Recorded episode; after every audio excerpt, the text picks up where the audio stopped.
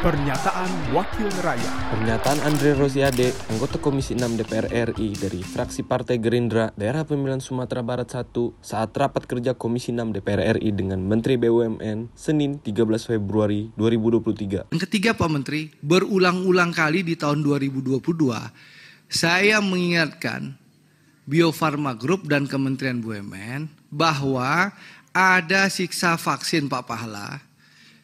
Vaksin COVID-19 Pak Pahala. Itu nilainya 350 miliar. Yang 2023 ini akan expired Pak Pahala. Dan saya belum melihat ada langkah konkret dari Kementerian BUMN untuk menyelesaikan ini. Jangan sampai teman-teman Bio Farma, Kimia Farma, Indo Farma berjibaku tadi yang disampaikan oleh Pak Menteri itu. Berkontribusi menyelamatkan negara ini dari pandemi COVID. Tapi setelah pandemi COVID berakhir, mereka ada temuan BPK. Mereka dikejar-kejar oleh aparat penegak hukum. Karena apa? Kita tidak mengantisipasi hasil audit nantinya yang akan jatuh. Ya, karena apa?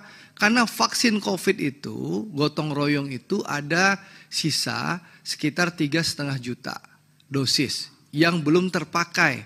Nilainya itu 350 miliar.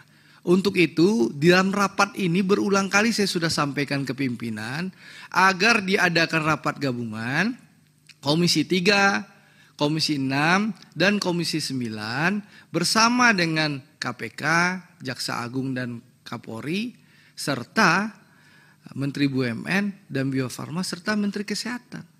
Karena kan ini perintah dari Kementerian Kesehatan dan pemerintah kepada Bio Farma.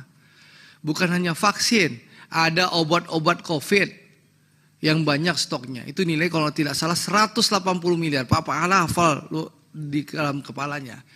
Nah saya minta ini jadi perhatian Kementerian BUMN dan pimpinan agar kita bisa segera mengadakan rapat gabungan untuk kita carikan solusi. Jangan sampai auditnya keluar dulu, baru kita kerjar.